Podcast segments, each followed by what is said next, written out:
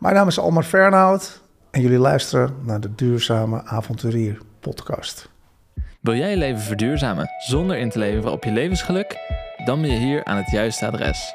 Mijn naam is Joren en ik neem je mee op avontuur in de wereld van duurzaamheid. In deze podcast ga ik in gesprek met wereldverbeteraars en leer ik samen met jou wat we kunnen doen om ons leven op een leuke manier een stukje groener te kleuren. Dus ben jij klaar om met mij op dit avontuur te gaan? Top, let's go! Nou, heel erg dankjewel dat ik hier mag zijn, Almar. Ik, uh, nou, we zitten hier allebei met een big smile en dat is natuurlijk uh, zeker terecht. Ja, dat is een mooie naam, hè, Smile. Ja, en we gaan er alles over te weten komen. Een duurzaam bedrijf, Zeker. waarvan je letterlijk en figuurlijk een lach op je gezicht krijgt. Ja, dat is een mooie intro.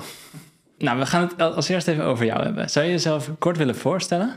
Ja, zeker. Mijn naam is Almar Fernhout. Ik woon in Bergen in Noord-Holland, vlakbij het strand. Daar ben ik ook veel te vinden. Uh, eigenlijk uh, van jongs af aan uh, was ik al in contact met duurzaamheid als het gaat over biologische voeding. Ik heb daar in Bergen had je een biologische winkel. Dat heette De Garf en ik kwam daar altijd met mijn ouders. En ik werd eigenlijk uitgelachen door mijn vriendjes van dat jij daar komt. Suffe geitenwolle sokkenwinkel en dit en dat. En toen dacht ik, hm, best wel apart. Want als ik al bij een vriendje had, toen dacht ik, nou, die broodjes die wij thuis hebben zijn eigenlijk veel lekkerder. Ik moet er in ieder geval zes van opeten. En als ik er thuis drie neem, dan zit ik vol. Dus ik dacht eigenlijk altijd al van, hé, hey, wat apart. Dat de kwaliteit buiten kijf staat, maar het imago dusdanig slecht is... dat heel veel mensen er juist niet heen willen. Nou, uiteindelijk uh, ben ik gaan werken. Eigenlijk uh, snel in een sales- en marketing gedreven functies. En... Uh, in die tijd uh, zag je dat in Amerika en Californië duurzaamheid opkwam. Dus Brad Pitt bijvoorbeeld, die ging in een Toyota Prius naar een filmpremière. Arnold Schwarzenegger, die was daar gouverneur van Californië. En die liet een Hummer ombouwen op waterstof. Dat is nu wel twintig jaar oh, geleden. Toen kon het al, hè.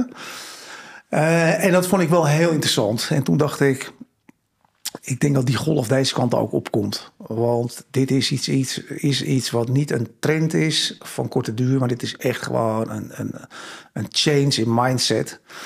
Uh, ik vond het een heel mooie beweging en ik ben toen mijn eerste duurzame bedrijf begonnen. Dat heette De Betere Wereld. Dat was een mediaplatform met een gratis magazine, een website, nieuwsbrieven, social media. Uh, en daar heb ik eigenlijk uh, goed kennis gemaakt met duurzaamheid in de breedste zin van het woord toen ik begon heb ik dat meteen eigenlijk willen neerzetten als iets wat niet suf, stoffig, ouderwets is, maar iets is van de toekomst. Nou, dat zeg ik. Ik heb altijd al in marketing gedreven functies gezeten. Ik heb altijd sta ik aan en probeer nieuwe trends te zien en probeer er wat mee te doen. Ja. En uh, ja, toen ben ik eigenlijk daarmee begonnen. Heb het altijd op een positieve manier proberen te belichten. Ik word altijd heel moe van mensen die altijd maar negatief zijn. Van, oh, het kan toch niet, want dit en dat. En kijk wat er wel kan en juich elke stap in de juiste richting toe. Oh, dat is wel leuk dat je dat zegt. De afgelopen twee podcasts die ik had, heb ik ook eigenlijk met gasten gesproken die juist specifiek de positieve kant uh, hebben benadrukt. Dat zie je ook zo. En dan kom je weer terug eventjes. Uh, voor, veel, voor veel echt hardcore duurzame mensen van deze uur is marketing een vies woord. Ik denk heel anders. Ik denk als je marketing en de bewezen effectiviteit van bepaalde marketing ingrediënten kan inzetten voor de goede zaak, ja. de duurzame zaak, heb je eigenlijk iets heel moois. Ja. Nou, dus heb ik, heb ik kennis meegemaakt. Dus in het mediabedrijf heb ik ook tv gedaan op RTL 4. Had ik gewoon mijn klanten die met mij op televisie konden. Uh, en dat werd drie keer in de week uitgezonden. Nou, dat was natuurlijk hartstikke leuk. Ik had toen kleine kinderen die snapten er niks van. Papa is daar op televisie. en hij zit hier naast me op de bank. Hoe kan dat? uh, maar het zag eigenlijk dat er heel veel animo al was, zeg maar. Om op een leuke manier te vertellen hoe bedrijven bezig waren. Ja. Uh, met duurzaamheid. Nou is duurzaam eigenlijk een, echt een slecht woord. Ik heb wat onderzoeken naar of over gelezen. En, en als je Nederlander vraagt duurzaamheid, dan zeg je heel veel: oh, dat is duur. Ja, of het is niet lekker, het is suf, het is kortom alles behalve positief imago. Vind ik jammer, want echt een betere oplossing weet ik zelf ook niet. 1, 2, 3, is me vaak gevraagd. Uh, maar het is wel jammer dat dat daaraan kleeft. En dat is ook een van de redenen waarom wij ons merk niet alleen positioneren als duurzaam. Want dan blijf je bij de 8% hardcore groene consumenten hangen. En ja. dat is te weinig om impact te maken.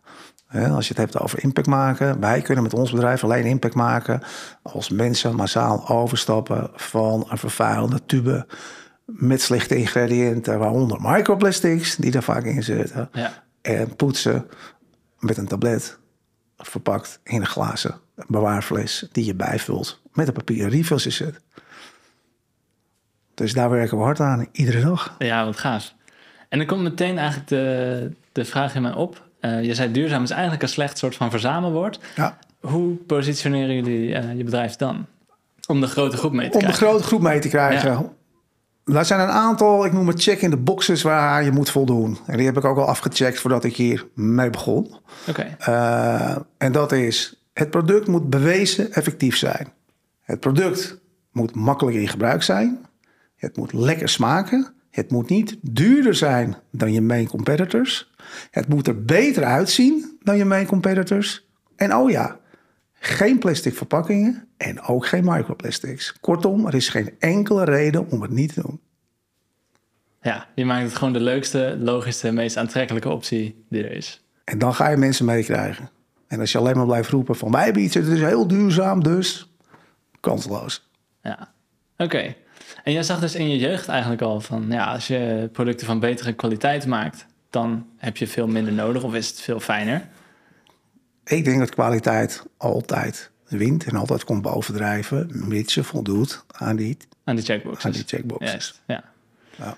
En je zag in de, in de media, op het nieuws al de, de grote acteurs ook bezig met duurzaamheid. En toen ging er bij jou een knop om, hier wil ik ook iets mee. Ja, ik zag het in het buitenland. In Nederland zou- zijn nooit zo'n voorloper. Wij volgen altijd. En wat dat betreft, eh, ja, ik vind Amerika een geweldig land. Ook al eh, zijn er vroeg negatieve aspecten te vinden. Maar kom ik zo nog even op. Ik heb daar ook voor het eerst een tandpasta-tabletje gezien in Californië. Dus Oké, kijk. ik, was, ik, was, ik was distributeur van een mondverzorgingsmerk uit Amerika. En dat deed ik voor Nederland en voor Spanje. Samen met een ex-supermarkt tycoon. Dat was mijn bank eigenlijk. En ik zag de nieuwe business. En toen ik dus in contact kwam met mondverzorging... en ik zag hier in Nederland wat abonnementsmodellen opkomen... in scheermesjes bijvoorbeeld... ja. toen dacht ik van... hé, hey, waarom eh, heb je dat nog niet op mondverzorging? En hoe mooi zou het zijn als je met een fast-moving consumer good... kortom een product wat je meerdere malen per dag gebruikt... als je daar impact mee zou kunnen maken... ja. Toen is bij mij het zaadje geplant van Smile. En toen dacht ik, hoe krijg je dan tandpasta zonder plastic verpakking en zonder microplastics? Want daar kwam ik achter dat in de meeste tandpasta's microplastics zaten. Ik denk, wat? Poetsen de meeste mensen 700 keer per jaar hun tanden met plastic? Ook kinderen? Ik denk, dat, dat moet je toch niet willen? Want ondertussen werd er steeds meer bekend over de schadelijkheid van microplastics. Ja. Nou ja, en ik was toen met mijn dochters in Californië op een roadtrip. En daar heb ik voor het eerst tandpasta tabletjes gezien. Nou, toen dacht ik, hey, dit kan Kwam je dat toevallig zijn. tegen? Nee, want ik had eh, daarvoor een belang in een biologische webwinkel. Ik onderneem al een tijdje. En eh, eh, ik had een afspraak gemaakt bij Whole Foods met een, met een category manager. En die nam me mee door een assortiment daar. Oké, En daar kwam onder andere dit naar voren. En toen dacht ik, dit is interessant. Wat ga ik doen? Ga ik het weer importeren en word ik distributeur? Of ga ik het merk zelf bouwen vanaf nul? Eh, met een eigen receptuur, et cetera, et cetera. Dus we hebben voor de moeilijke lange weg gekozen. Maar dan heb je wel iets wat helemaal van jou is. Waar jij in de lead bent, het merk kan bouwen zoals jij het wil. En dat is mijn passie, het merk bouwen. Ja. Dat vind ik mooi. En in welk jaar was dat dat je in Californië daar was? In Californië was ik, eh, dat was een jaar of vijf geleden. En wij zijn met Smile nu drie jaar in business. Dus daar was het zaadje geplant. Ik zat toen ook nog met andere businesses en ik wilde dit echt gaan doen. Ik heb in die, eh, eh, in die fase ook mijn compagnons ontmoet, Dennis Kamst. Eh, ik had echt iemand nodig, hè, want ik, ik wilde echt een datagedreven bedrijf bouwen. Nou, dan heb je dus echt een specialist nodig die veel van data weet ik, ik besefte wel dat dat nodig is en een basisingrediënt is van een succesvolle business als die ik voor ogen had. Maar ik had zelf niet de skills. Dus die heb ik erbij moeten zoeken. En dat is Dennis. Ja. De andere jongen kende ik al. Want ik was mede initiatiefnemer van de Groene Bocht. Een verzamelpand in Amsterdam. Bestaat helaas niet meer. Uh, en daar zat Roger Nefkens al. En die deed social media voor onder andere Patagonia en voor O'Neill. En die verkocht al bamboe tandenborstels. Toen dacht ik, nou, deze drie mensen bij elkaar zou wel eens meer kunnen zijn dan de zonder delen, zal ik maar Ja. zeggen. Ja. En zou 1 plus 1 plus 1 wel meer kunnen zijn dan 3. Nou ja, het is eigenlijk wel super om te constateren dat wij nu uh, met elkaar drie jaar uh, in business zijn. En we zijn alle drie heel verschillend. Uh, Maar het werkt heel goed. Daar ben ik heel blij mee. Want ja, een product is één, dat moet goed zijn. Maar het team erachter... Hè, het is niet voor niks dat investeerders zeggen... eerst de vent, dan de tent. Ja. Het is gewoon heel belangrijk dat je een solide basis neerzet in je bedrijf. Ja. En dat iedereen uh, bepaalde expertise in huis heeft... die die business kunnen helpen groeien. Maar het ook aan de achterkant uh, solide kunnen opleiden. Ja. Dus ik bemoei me vooral aan de voorkant. Dus ik doe het PR-stuk, de designs, hoe ziet het eruit? Ik vertel het verhaal, ik maak de deals met de grote supermarkten... en denk mee in, uh, in de algehele marketingstrategie. En uh, Dennis is CEO, die doet onder andere finance, HR en uh, doet de achterkant. Heel belangrijk om dat strak te hebben, want die spullen die komen overal vandaan. Dat moet in elkaar gezet worden allerlei verschillende smaken. Nou, ik zou zeggen, het is een, best wel een logistieke uh, octopus, zeg maar, waar ja. je af en toe in zit. en Roger die doet uh, vooral online, online groei. Dus alle social advertising, websites, et cetera. Ja. Dus zo hebben we die taken mooi verdeeld. En, het klinkt als een goed team. En ik wil je eigenlijk net meteen gaan vragen... Je komt dus terug uit Amerika in Nederland met een briljant idee. Je hebt het recept nog niet, je hebt nog niks nee, staan. helemaal niks. Je hebt een team toen gezocht en je wist al, ik ga de Ja. data-driven doen. Ja. Hoe ben je dan gestart? Eh, eigenlijk, eh, ik ben via LinkedIn met Dennis in contact gekomen. Toen werkte ik nog gewoon in een andere bedrijf. Die kwam bij mij op kantoor en eh, hij, is, hij was CIO bij Essent, bij RWE. Eh, dat is meer de corporate hoek. Heel interessant om bij te hebben. Ik ben echt iemand die een vrije rol wil hebben aan de voorkant. Wel heel gefocust ben en nou ja, de stenen uit de straat kan trekken als het moet, zeg maar. Dat is ook echt nodig om, om tractie te krijgen in het begin... en mensen te overtuigen en mee te nemen in jouw visie en jouw idee. Dat is in het begin het allerbelangrijkst. Dus je moet een proof of concept hebben. Dat kan je best wel een beetje faken, zeg maar. En dan moeten mensen geloven in wat jij ze vertelt... en moeten bereid zijn met jou mee te gaan. We hebben zelf wat geïnvesteerd, maar er waren echt meer investeringen nodig... om alleen maar een, een, een, een, een proof of, of, of kwaliteit te borgen. Ik dacht, ik ben geen tandarts, maar compagnons zijn ook geen tandarts. Als ik tandartsen mee wil krijgen, wat essentieel is, heb ik dus een partij nodig die het hoogst staat aangeschreven als het gaat om uh, mondverzorgingsproducten. Dat is de ACTA. De ACTA, dat is een uh, instituut uh, uh, waar tandartsen een opleiding kunnen doen, maar die ook producten testen. Nou, die moesten we meekrijgen, zeg maar, om te laten zien dat wij echt een goed product op de markt brachten. Nou, dat was niet van de een op de andere dag gefixt. Want je moet eerst een partij hebben die een tabletje wil maken. En als je naar een tandpastafabrikant gaat die zegt, meneer, wat u wilt kan niet. Het heet Dat kennen we niet, eh. tandpasta. Mijn voordeel was, ik had het gezien in Amerika. Ik heb die spullen laten komen. En uiteindelijk hebben wij met een partij die... eh, zat niet in de mondverzorging, maar die maakte wel al tabletten, zeg maar. Allerlei andere soorten tabletten. En daar zijn we mee gaan ontwikkelen, zeg maar. En de eerste tablet die ik in mijn mond stopte, was heel mooi. Ik kwam aan in dat kantoor, het hele team stond daar. Die hadden een slapeloze nachten gehad om maar door te werken, om een deadline te halen. Ik stop het in mijn mond. Nou, het lijkt wel of ik citroen uh, fijn koude, zo zuur was Ah. het. Dus ik zei, sorry jongens, uh, dit kan ik niet verkopen. Hier kan ik niks mee. Dus dat was echt wel een domper voor iedereen. Ja. Maar het moet wel goed zijn, het moet ook lekker zijn. En als jij met een zo'n nieuw product als wat wij hebben naar de markt toe wil, is het heel belangrijk dat mensen die altijd al gewend zijn om decennia lang tandpasta uit een tube te knijpen, dus microplastics, weekmakers, uh, SLS en andere shit op een tandenborstel en dan in hun mond uh, te stoppen. Uh, die beleving moet dus meteen goed zijn. Als je dat in je mond stopt en je koudt het fijn, je gaat poetsen, moet je meteen schuim krijgen. En moet je denken, oh lekker. Als je dat moment mist, dan heb je een probleem. Ja. Nou, dat was dus niet zo de eerste keer, maar we hebben wel heel hard doorontwikkeld. En uh, wij hebben ook doorontwikkeld, en dat is weer het mooie van een datagedreven bedrijf, met de crowd, de community die wij hebben verzameld om ons heen. Hè. Nu zo'n 80.000 mensen die fan zijn van Smile. En die kunnen we de hele tijd inzetten. Welke smaak zou je willen hebben? Ja. Welk ander product zou je willen zien in mondverzorging zonder plastic? Nou, we bijvoorbeeld deze tandenborstel ontwikkeld. Ja, met een bamboe, goed voor je, dan uh, kan deze camera aan het ja. Met een, uh, met een bamboehet. Normaal is dit plastic en gooi je dat weg. Ja. Nou, dan hebben we van bamboe. Het ziet er niet alleen veel mooier uit. Het poetst ook lekker. En je hebt plastic niet. Dus zo komen we eigenlijk samen met die crowd tot hele leuke inzichten. En uh, business-wise is het een interessante, omdat A, je, je je fans heel goed leert kennen. Ja. En B, je gaat de mensen dus geven wat ze willen. Ik kan wel iets bedenken. Uh, zo begint het ook wel vaak. Uh, alleen, je wil het ook staven. Niet alles wat je bedenkt is zo goed als dat jij denkt dat het Ja, is. ja, precies. En, daar, en daar ga je achter komen als je wat langer onderneemt. Eh, niet alles lukt en niet alles is goed wat je denkt. Maar dat kan je dus heel mooi checken bij community. En dit is wel een hele leuke.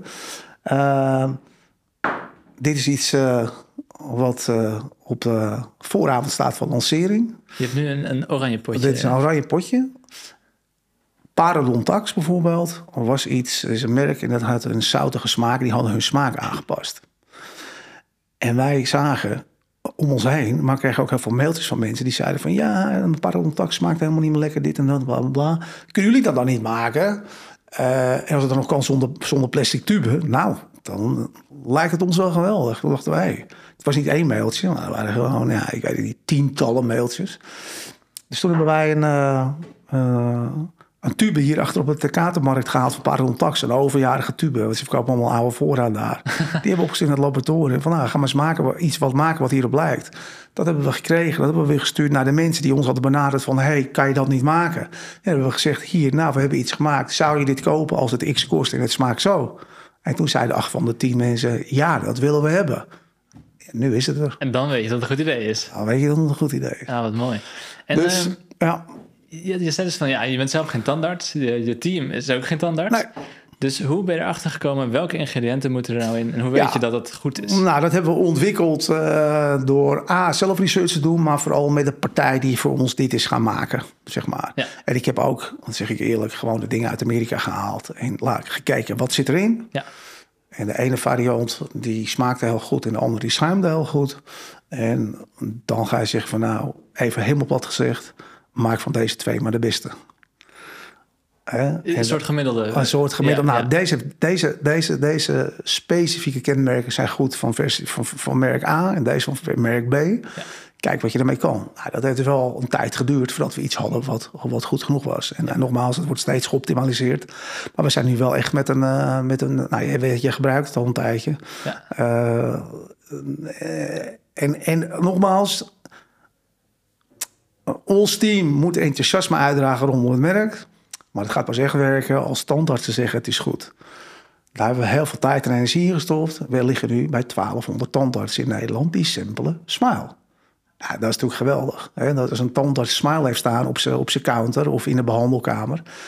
Dan zie je dus nu dat mensen zeggen, ook oh, zag het bij mijn tandarts. Ja, dat is geweldig. Ja. Hè? Nogmaals, wij zijn geen tandarts. Is trouwens ook wel een leuke tip voor ondernemers. Dat je niet specifiek uit het vakgebied hoeft te komen waar je iets in verkoopt. Mhm. Als je maar mensen om je heen verzamelt die de kwaliteit kunnen staven rondom jouw product. Dus wij hebben goede testresultaten als het gaat bij de ACTA. Het gaat dan vooral om fluorideafgifte. Want fluoride is iets wat je kan wel ergens iets instoppen, maar het moet er ook uitkomen. Uh, dus dat is een hele belangrijke. Bijna alle tandartsen zeggen dat. Uh, ik bedoel, je hebt ook tandpasta zonder fluoride, verkopen we ook. Wij wilden niet in die discussies belanden. Wil je met fluoride, hebben we het voor je. Wil je zonder fluoride, hebben we het ook voor je. Ja. Maar in basis, heel belangrijk, dat een onafhankelijk instituut zegt dat jouw product goed is. Dus toen wij de eerste tandartsen benaderen, en die zijn toch wel wat oudere, traditionele tandartsen, die hadden zoiets, er is al zoveel tandpasta, uh, ben jij tandarts dan? Dus die vraag kreeg ik in het begin. Toen ja. dacht ik, oké, okay, discussiëren heeft geen zin. Wat wel zin heeft. Kent u de ACTA? Die kent iedereen. Ja. Kijk dan even naar dit rapport, klik op deze link. En dan is de discussie klaar. Ja. Dus je kan het heel slim oplossen als je daar, of goed oplossen, als je daar van tevoren slim nadenkt over een mechanisme. Wat kan ik verwachten aan weerstand in de markt en hoe kan ik dat tackelen? En dat is eigenlijk redelijk te voorspellen. Je komt met een nieuw product, niemand kent het. Je vecht tegen hele grote merken met mega marketingbudgetten. Kortom, je moet een gunfactor hebben. Het moet bewezen effectief zijn. Het moet er leuk uitzien. Niet veel duurder, lekker smaken. En ook geen plastic en microplastics. Ja, in dat verhaal, it's hard to beat. Absoluut. Ik, ik word ook heel blij van als ik zo naar je luister. Het, het lijkt echt alsof je heel erg nou, vanuit je ondernemerservaring een soort helikopterview hebt. Dat je weet waar ga ik tegenaan lopen, welke ja. checkboxes moet ik doen. En, uh, ja. ja. Nou, dat is, Je dat is, deel, aankomen. dat is deels, dat is deels hier wel mij uitgekomen. Ik moet zeggen, kijk, als je begint te ondernemen, dat ik jonger was, toen dacht ik ik alles zelf wel kon. Maar ik weet steeds beter waar ik goed in ben, maar ook waar ik niet goed in ben. Ja, dat is dus een. eh, dan had ik wel eens eh, had wel gewild dat ik jonger was, dat ik deze inzichten had gehad. Want had ik dit kunnen doen dat ik 30 was, bijvoorbeeld. Ja, ja. Maar probeer vooral als je business start. eh, je moet jezelf in je kracht zetten. Je moet doen waar je goed in bent. Eh, en om je heen moet je mensen verzamelen die, zeg maar, eh, met hun skills, dat je een soort full circle hebt en dingen afdekt. Eigenlijk core in je team. Want anders moet je alles direct in gaan huren en dan loop je kassa meteen weer leeg. ja. Dat kunnen veel startende ondernemers niet hebben. Nee, dat kan ik eigenlijk nooit hebben.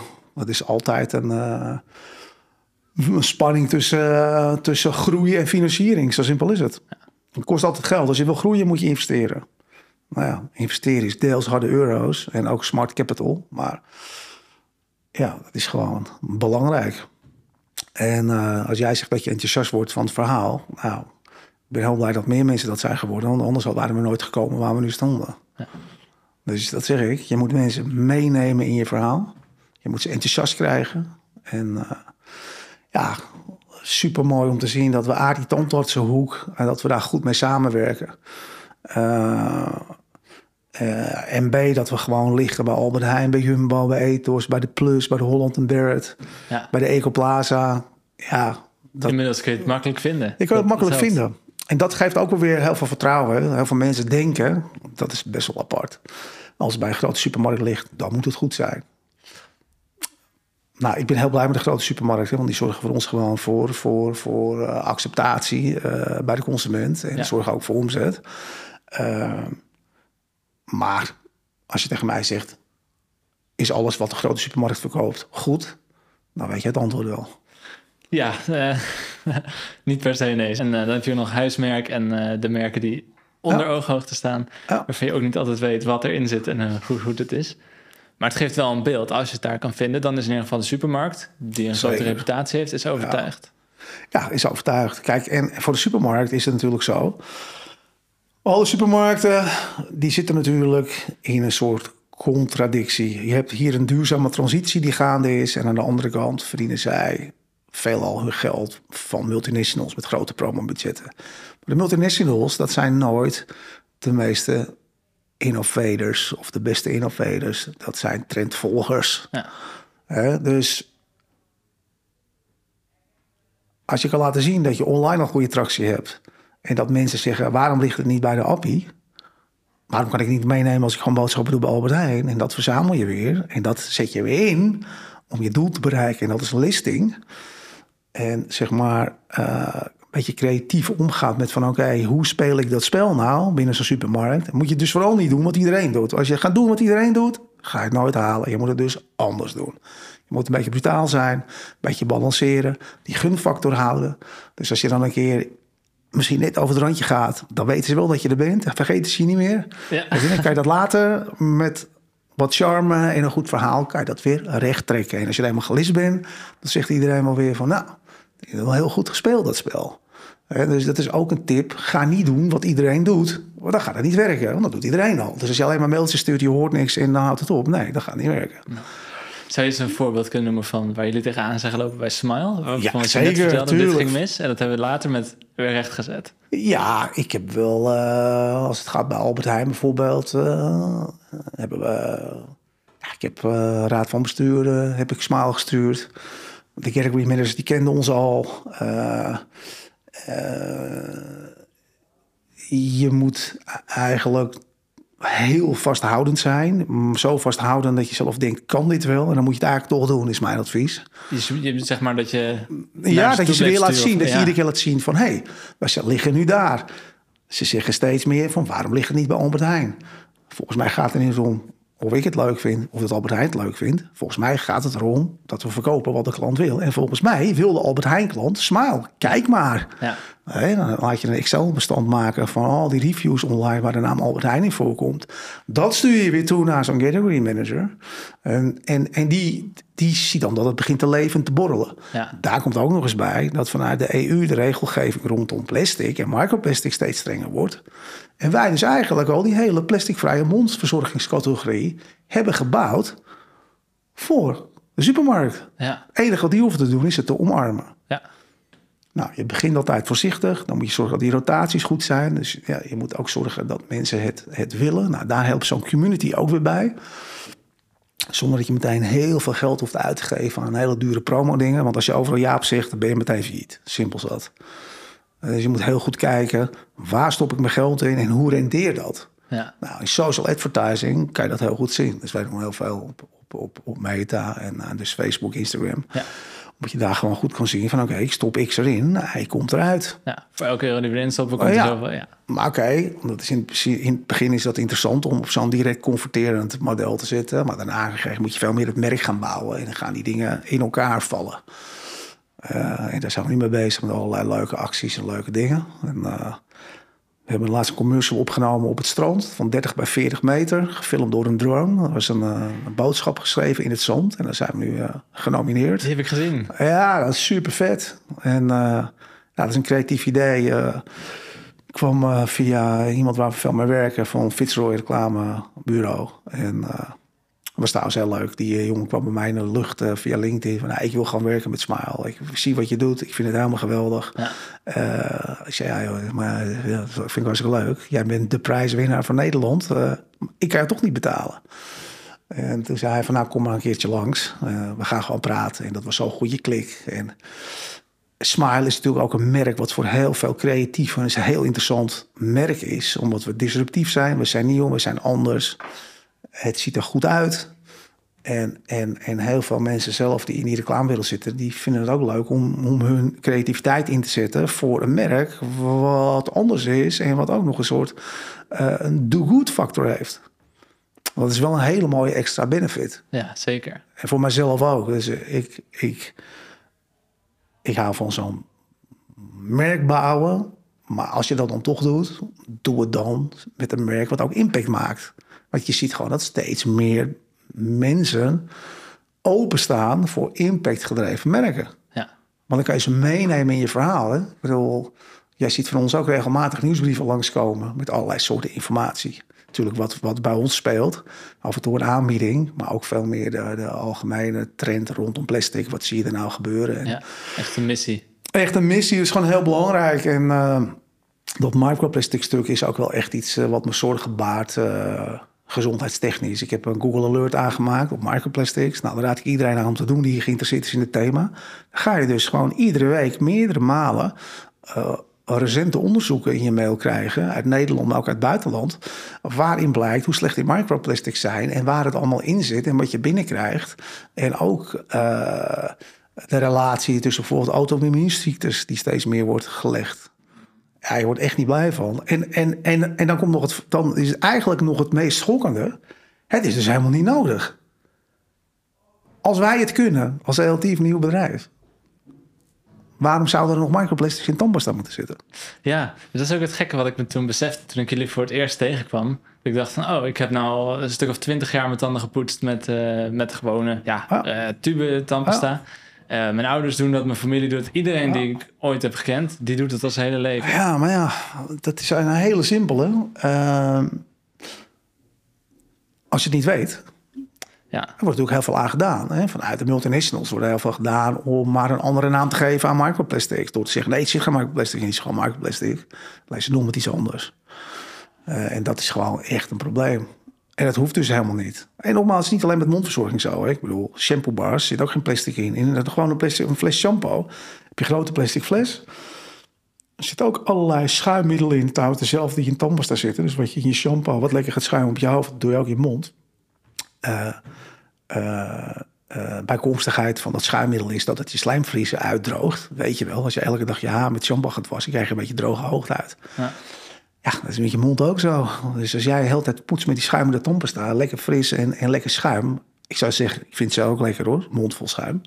Uh, ik las een onderzoek. En heel vaak als je dan de dag daarna wakker wordt, heb je een beetje vieze smaak in je mond. En dan denk je, hmm, ook als je geen knoflook hebt gegeten of wat dan ook.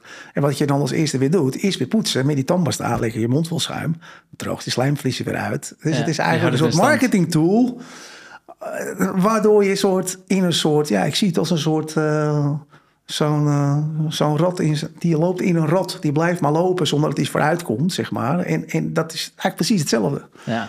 Dus het is heel apart dat de industrie, en zo zijn er nog heel veel andere trucjes, wat, wat gewoon marketing gimmicks zijn bedacht door de industrie, zoals schuim. doet voor je mondgezondheid niet zoveel, maar mensen vinden het wel lekker. Hè, dan kun je, als je dan weer terugkomt naar de business, kan je twee dingen doen. A, of je gaat vertellen tegen iedereen, schuim doet niks voor je mondgezondheid, daarom schuimen die van ons niet. Of je zegt, mensen houden eenmaal van schuim, ik geef ze schuim zoveel als ze willen, maar dan wel op een natuurlijke manier. En dat is waar ik van hou. Ja.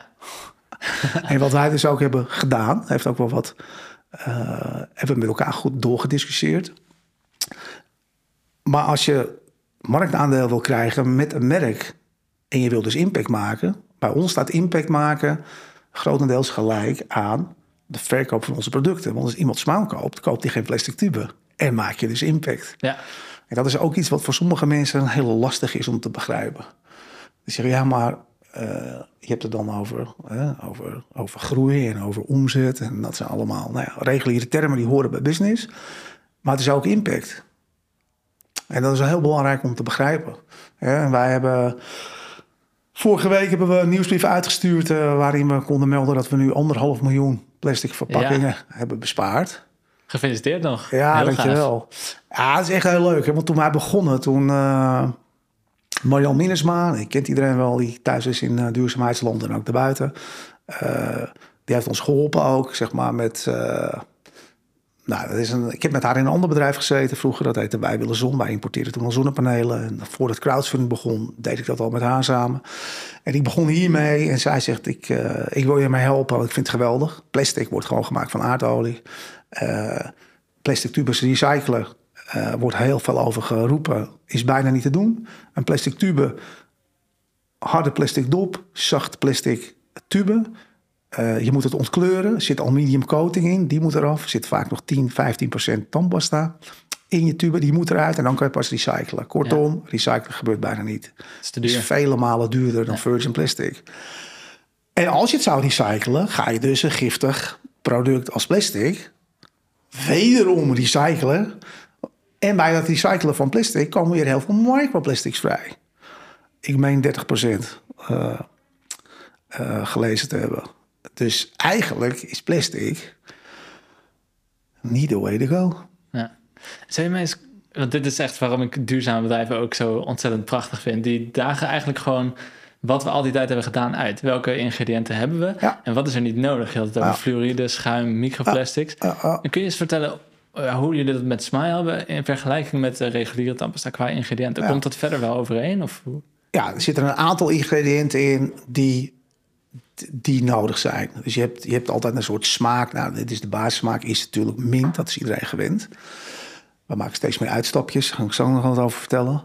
Uh, maar we hebben vooral stoffen uitgehaald die niet goed zijn. Zoals parabenen, microplastics, weekmakers, SLS. Dat hebben we eruit gehaald.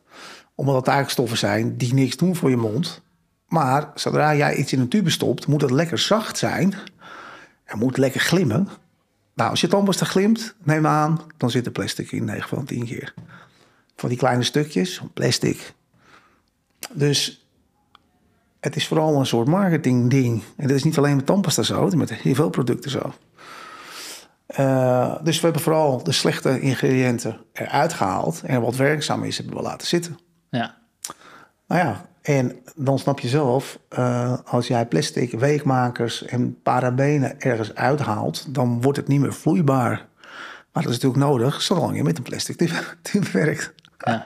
Dus je slaat eigenlijk twee vliegen in één klap.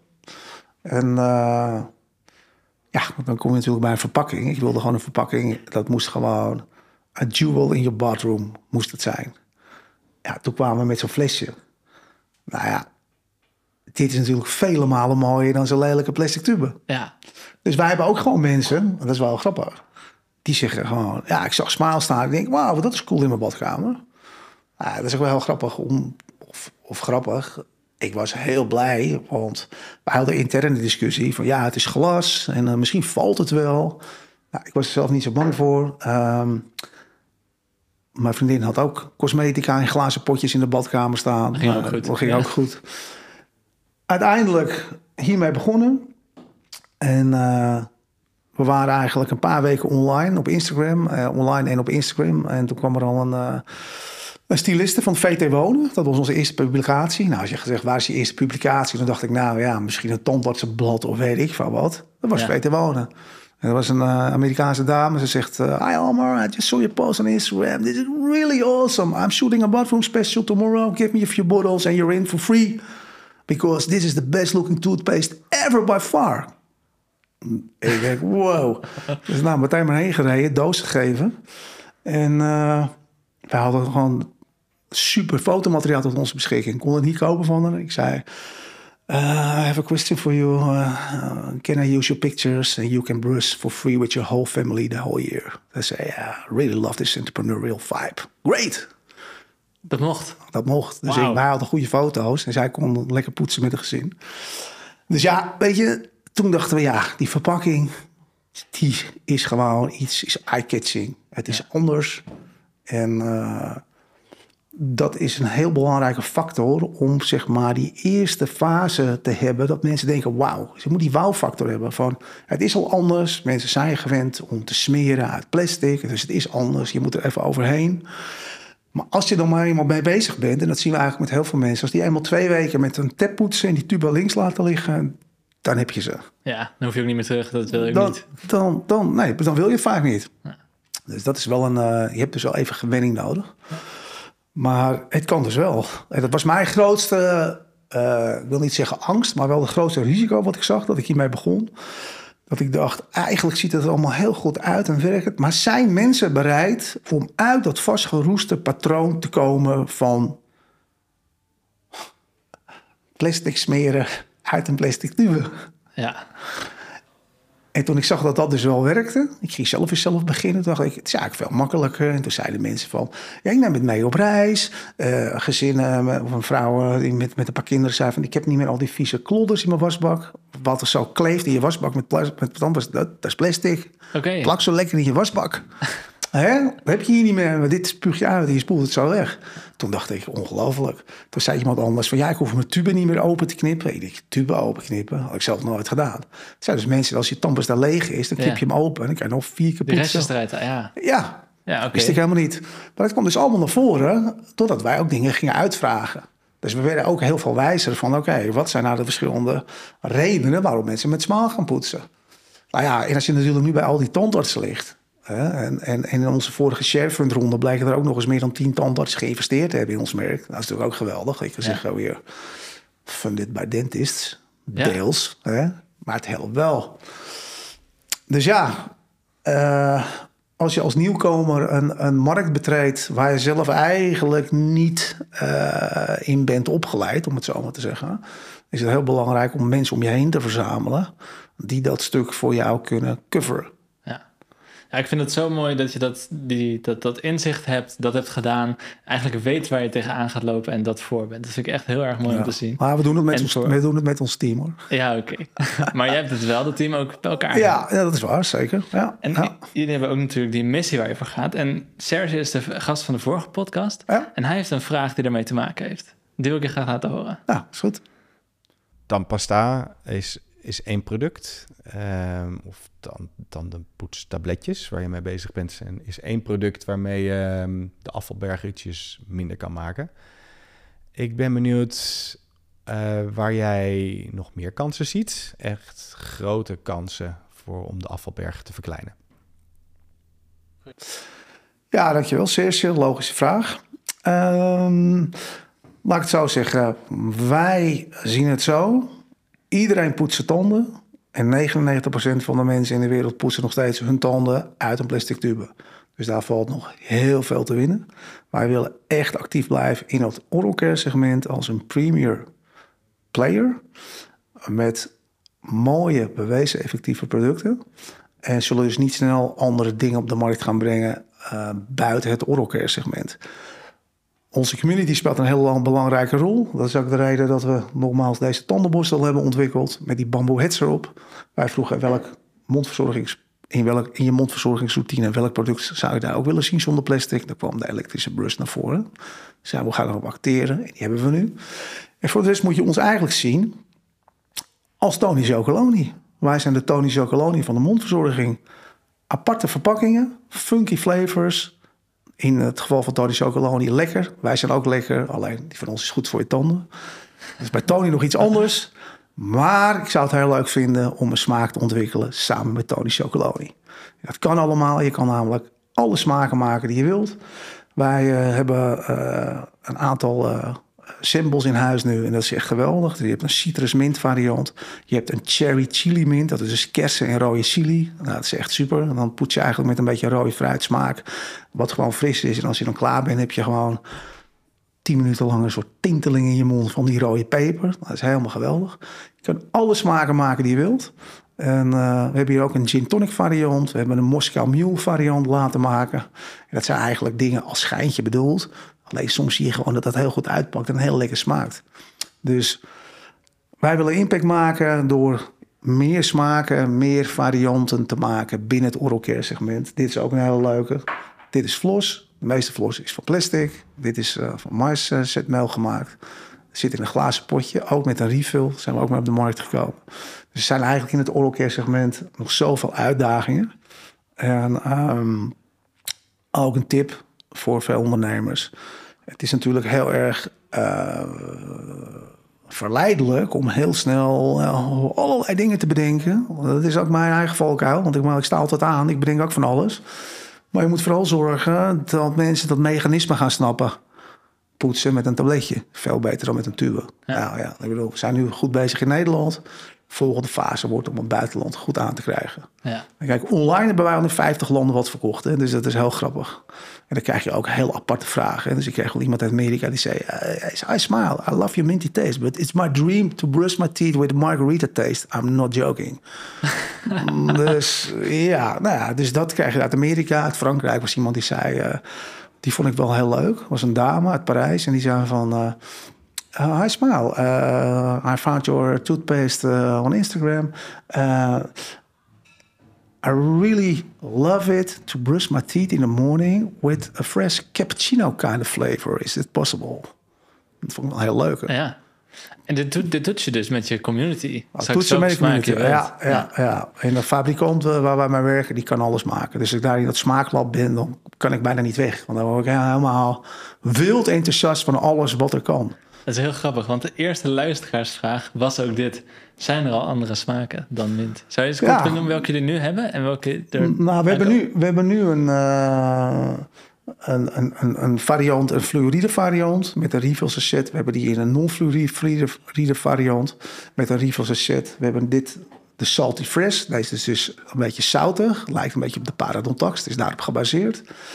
Er komt een citrus mint smaak aan. We hebben een sensitive variant. We hebben er eentje specifiek voor whitening. Dat zijn nog wel allemaal de, dat noemen we de cornerstones, zeg maar. Waar mensen vaak op kiezen. Ja, ja.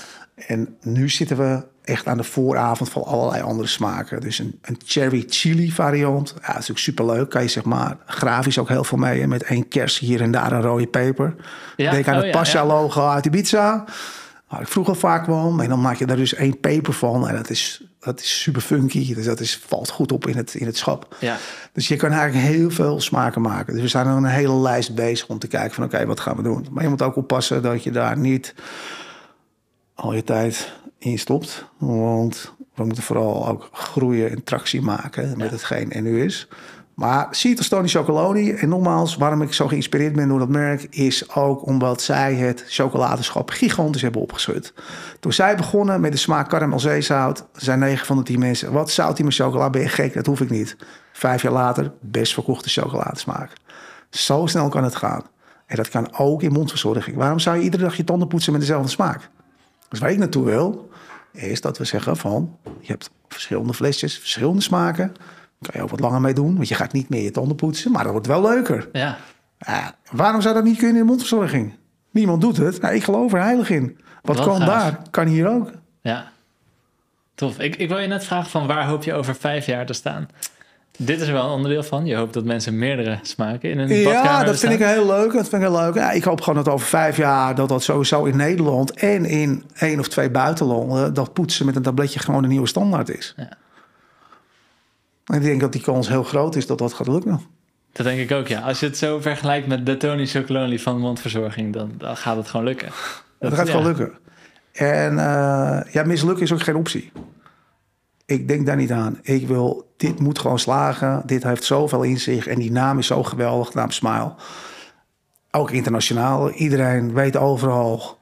Ja, het heeft zo'n pos- positieve lading. Als je over Smile praat, dan krijg je eigenlijk al een glimlach op je gezicht uit. Dat is ontzettend belangrijk. Ja. Ik vind het echt ook, ook briljant bedacht. Ook die naam met de hele eh, marketing eromheen. Dat is echt goed in elkaar. Dankjewel. En ja, de volgende luisteraarsvraag, we hebben hem eigenlijk al beantwoord. Maar dat was, zijn ze net zo goed als bijvoorbeeld Sensordine, die tabs? Of andere bekende merken? Kun je iets vertellen over wat erin zit? Is dat vergelijkbaar? Ja. ik zag al dat jullie ingrediënten ook op jullie website openbaar staan. Ja, wij hebben alle ingrediënten, de testrapporten van ACTA, allemaal openbaar. Iedereen eh, die eh, zich daarin wil inlezen, kan zich daarin inlezen. Het is minimaal net zo goed als de beste tandpasta's die er nu zijn. En de volgende vraag was, als je missie dan is voor, voor duurzaamheid gaan, waarom heb je dan gekozen voor tandpasta als product? Mm, eh, je moet het precies andersom zien. Mijn eh, passie was om een fast-moving consumer good in de markt te zetten waar je impact mee kan maken. En dan moet dat uiteraard duurzaam zijn. Dus het was niet van, oh, ik ga iets duurzaams bedenken, dus het wordt tandpasta. Nee, ik wil mondverzorging op de markt brengen, zonder al die plastic zooi, op een duurzame manier. Juist. Mooi, Goeie, ja, goed omgedraaid inderdaad. En dan is de laatste luisteraarsvraag. Wat is de volgende stap, echt de eerstvolgende stap die je als bedrijf wilt zetten? Eh, dat is echt internationalisatie. Dus we zijn hier wel aan, aan, aan het kijken en, en, en, en eh, hoe zeg je dat? Het, het, de markt aan het verkennen. Je hebt allerlei, allerlei factoren die belangrijk zijn om een marktentry te doen in een land buiten je home market. Nou, we zijn hier best wel dominant en we waren al heel snel marktleider als het gaat om over tandpasta zonder plastic in Nederland. Er waren, waren wel wat merkjes met tabletten, maar dat was relatief klein. Ja. Ehm, eh, en ik denk dat die merken niet de marketing skills hebben eh, zoals wij die hebben. Bij ons kan ook heel veel dingen kunnen beter. Begrijp me niet verkeerd. Eh, maar we hadden wel redelijk snel tractie in de markt. Ehm, maar in een buitenland is het heel belangrijk. Wat zijn je competitors daar? Hoe is het prijsniveau? Eh, eh, hoe, is het, hoe is de promodruk in retail? Wat verwachten ze daar? En zijn mensen bereid? Zijn ze willing om te experimenteren met zo'n disruptief product Ja. als een tandpasta-tabletje? Dus, maar daar zijn we druk mee bezig. En eh, die internationalisatie is ook iets waar ik eh, zelf erg naar uitkijk. Want ik denk ook dat het kan. Ik denk als Ja. je kan laten zien hoe goed het hier werkt. Ja, En online bestellen mensen over de hele Ja, wereld. ja, Eh, maar dan bedoel je dus echt dat ze in de supermarkten liggen in meerdere landen. Ja, ja, ja. en dan ga je dat doen op de plekken waar de community het meest om vraagt. Of, of zie je het? Nou, mm, ik denk dat dit is iets, hè, dat dit iets is wat, waar de community iets later een rol gaat spelen. Uh, er zijn andere, andere factoren die ik net aangaf erg belangrijk. Wat is het prijsniveau van die producten? Zit je daar marge technisch goed? Uh, hoe, hoe, is de, hoe is het landschap in de, in de, bij de grote retailers, zeg maar? Uh, welke competitors zijn er al? Nogmaals, als er iemand is die iets goedkoops maakt wat niet goed is... en jij hebt iets wat duurder is, ook al is het veel beter... moet je dus de hele tijd dat gaan uitleggen waarom jij duurder bent en dus beter bent. En als je dat moet gaan uitleggen, ik zeg niet dat het niet kan... maar het kost veel tijd, veel energie, een groot team en heel veel geld. Kortom, kan je dan niet beter kiezen voor een ander land. Ja, precies. Dus zo moet je het een beetje, zo moet je het een beetje zien. Mooi. En is er nog één vraag die ik aan jou had moeten stellen, maar die ik niet heb gesteld? Of iets wat je, wilt, wat je kwijt wilt? Uh, nou, ja, ik wil nog wel iets kwijt. Wat wij recent hebben gelanceerd, dat is ook wel heel leuk. Hè? Dat zijn mondwatertabletjes. Dat is een nieuwe versie. Dit tabletje met dit zakje doe je net zo lang als met twee grote flessen Listerine. Je hebt nu een zakje in je hand dat kleiner is dan een telefoon. Ja, Voor de ja, ja, ja. En hier zit een tabletje in, dat doe je in je mond. Daar kauw je op. Dan gaat een beetje schuimen. Dan krijg je een heel fris gevoel, net als van mondwater. Dus dat is ook een heel interessant product. Want je doet er net zo lang mee als twee grote plastic flessen Listerine. In Listerine zit grotendeel water met chemicaliën in een plastic verpakking. Die wordt de hele wereld overgesleept. Ja. Hier doe je dus net zo lang mee als met twee flessen Listerine. Zonder plastic, zonder slechte ingrediënten. En je hebt hetzelfde frisse gevoel. Ja. Plus dat in die eh, flessen, daar zit heel veel water. Wat je Ja. allemaal transporteert voor niks. precies. Dus eigenlijk ook van de gekken. Ja. Dus dat is ook een hele mooie vergelijking. Eh, ja, en daarnaast hebben we nog heel veel andere, andere eh, businessgebieden die interessant zijn. Als je kijkt naar de hospitality branche, hè, bijvoorbeeld alle hotels of heel veel hotels willen alle single-use plastics uit de supply chain hebben. Nou, daar kunnen wij een rol spelen. Ja. Maar ook bijvoorbeeld vliegtuigmaatschappijen, in amenity kits, noem maar op. Dus er zijn nog zoveel verschillende takken waar we in door kunnen. Dat heb ik allemaal te maken met aandacht, bouwen van je team, wie zet je waarop. Eh maar ik zie heel veel marktpotentie, zeg maar. ja, absoluut. En ook voor bedrijven die iets duurzaams willen doen en zelf wat moeite hebben ermee. Bijvoorbeeld McDonald's. Ik zit in een eh, netwerkclub eh, van vermogende mensen en eh, allerlei eh, business tycoons, zeg maar. En er zit bijvoorbeeld ook iemand in en die is de marketingmanager McDonald's Europa. En toen ik daar de eerste keer kwam, toen zei die dame die dat intakegesprek deed... Nou, met wie zou je wel eens willen praten? Ik zeg, nou, met haar. "Nee, Maar hoezo dan? Ik zeg, nou ja, na elk Big Mac menu even je mond opfrissen.